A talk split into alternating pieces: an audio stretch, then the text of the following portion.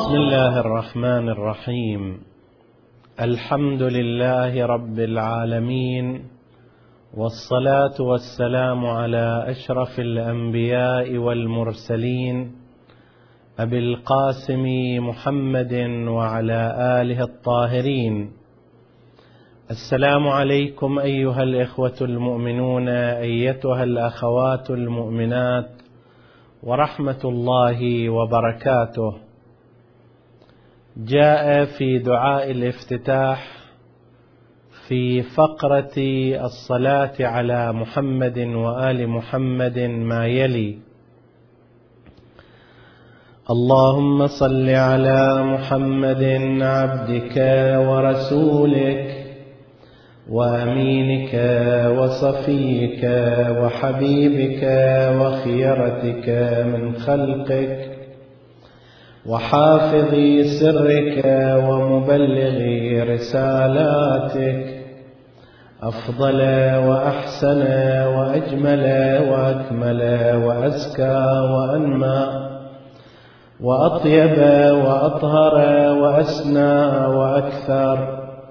ما صليت وباركت وترحمت وتحننت وسلمت على أحد من عبادك وأنبيائك ورسلك وصفوتك وأهل الكرامة عليك من خلقك. هذه الفقرة تبدأ بذكر الصلاة على النبي الأعظم والرسول الأكرم محمد صلى الله عليه وآله. وقد ذكرنا أن الصلاة هي شعار ذكر الصلاة على النبي وآله شعار ينفع الإنسان في تعيين معالم دينه. إذا ازدحمت عليه المصادر والمنابع كان محمد وآل محمد المنبع الأصفى والمنهل والمنهل الأعذب من خلال ذكر الصلاة على النبي وآله يهيئ التشريع لنا نحن المسلمين أرضية في أنفسنا لكي نقبل أوامرهم ونواهيهم. فإن طبيعة الإنسان يقبل ممن يحبه ويتفاعل معه ويرتاح إليه أكثر مما يقبل ممن لا يرتبط معه بهذه العلاقة. إضافة إلى ذلك ذكر الصلاة على النبي محمد وآل محمد هو عنوان ومصداق من مصاديق المودة. قل لا أسألكم عليه اجرا إلا المودة في القربى. هو نوع شكر للنبي صلى الله عليه وآله ولأهل بيته على ما بذل وبذلوا وضحى وضحوا حتى أوصلوا لنا الدين الإلهي كاملا غير منقوص. لكي ننال بهذا الدين سعادتنا في الدنيا وفلاحنا في الآخرة.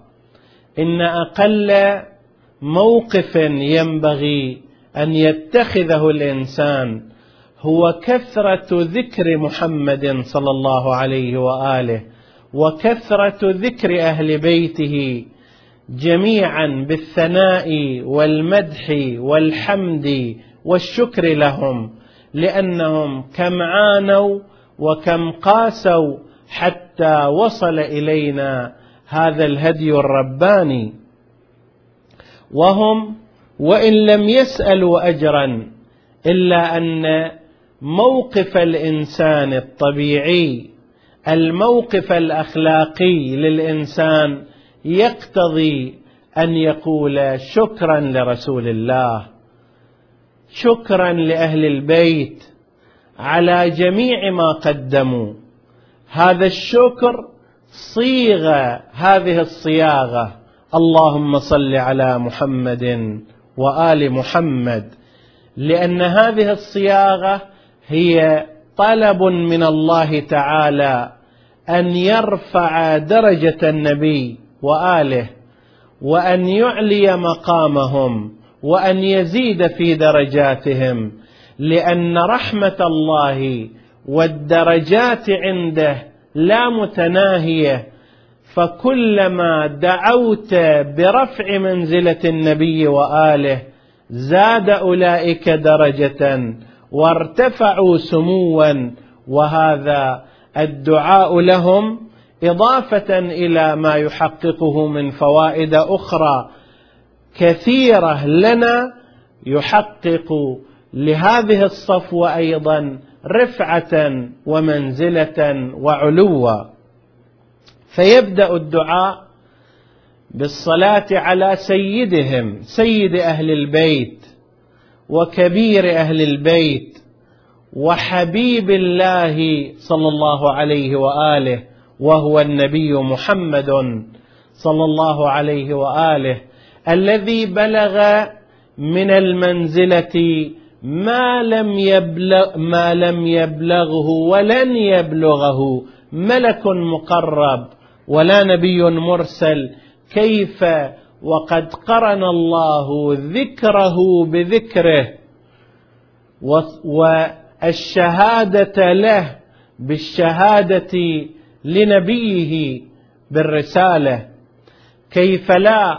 ورسول الله قد أقسم الله به في القرآن الكريم.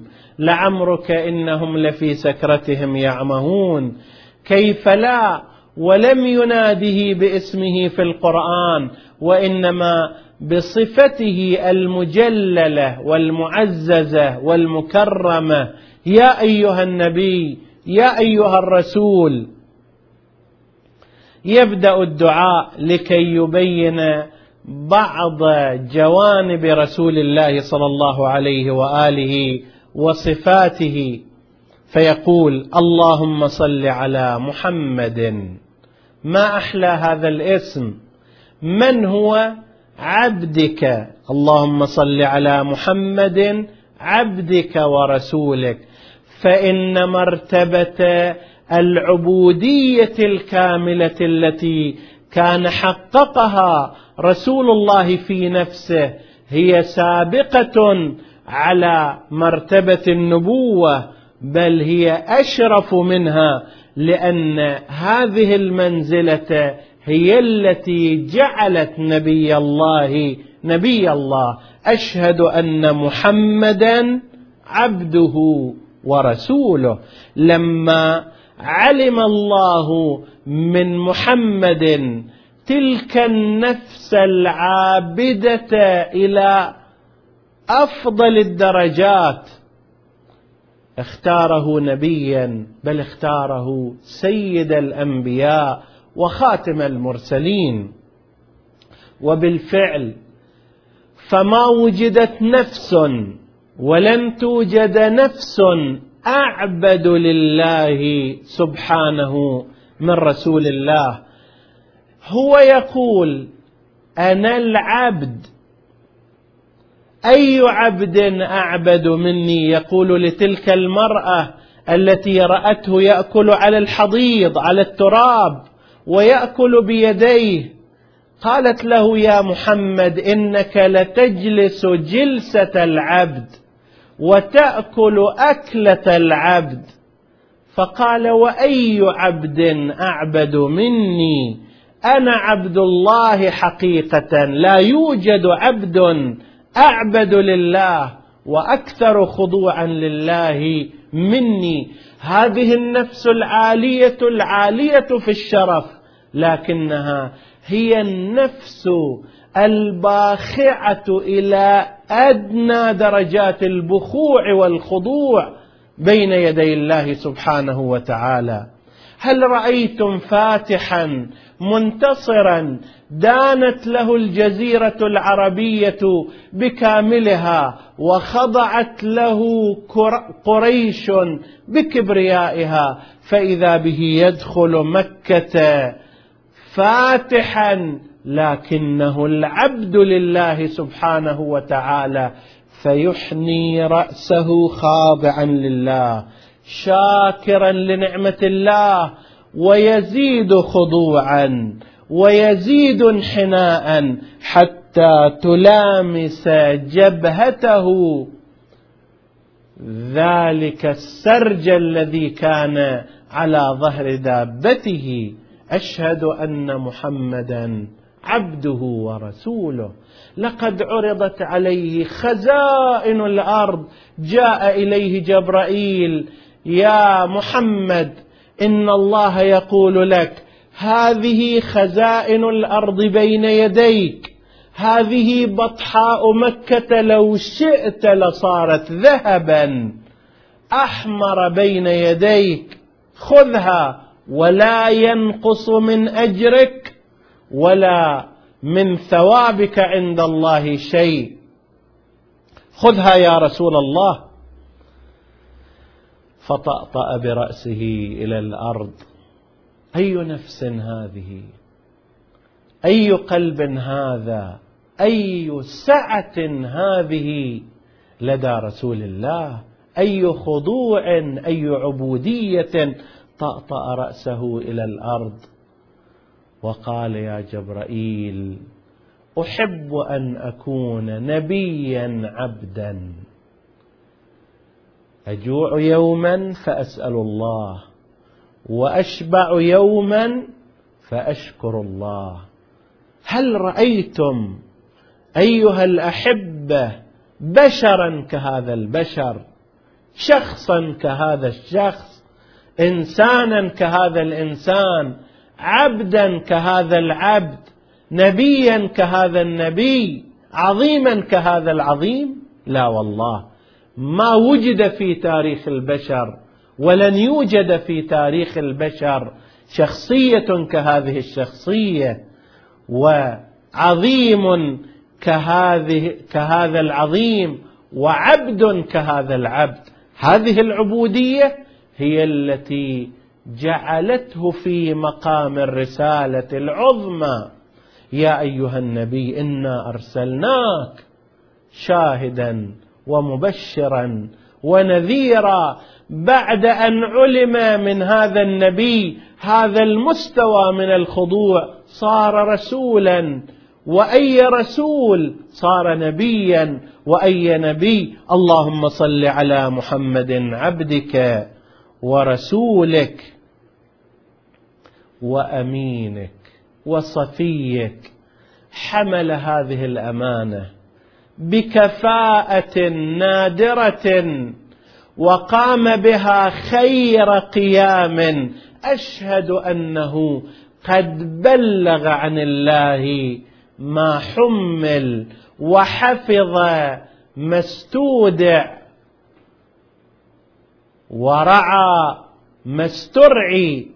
أشهد أن محمدا عبده ورسوله وأمينه وصفيك وأمينك وصفيك وحبيبك أن يصل شخص إلى مرتبة حبيب الله يأنس بالله بل الله يحبه ولولا أنني أخشى لقلت الله يأنس به حبيب الله سبحانه وتعالى وحبيبك وخيرتك من خلقك وحافظ سرك ومبلغ رسالاتك. جاءه النداء يا أيها النبي بلغ ما أنزل إليك من ربك وإن لم تفعل فما بلغت رسالته. والله يعصمك من الناس. فبلغ الرسالة بحذافيرها إلى حد لقد خشي عليه حبيبه ربه من أن يصل إلى درجة العنت ودرجة التعب في تبليغ الرسالة وأن يبالغ في ذلك. طه ما أنزلنا عليك القرآن. لتشقى إلا تذكرة لمن يخشى. يا رسول الله فلعلك باخع نفسك على آثارهم. إن لم يؤمنوا بهذا الحديث أسفا بلغ رسالاتك. اللهم صل عليه أفضل وأحسن وأكمل وأجمل وأزكى وأنمى وأطيب وأطهر ما صليت. على أحد من عبادك وأنبيائك ورسلك وصفوتك وأهل الكرامة عليك من خلقك. وبلغه منا تحية وسلاما وأكرمنا بصحبته ورؤيته وشفاعته. إنك على كل شيء قدير. وصلى الله على محمد وآله الطاهرين.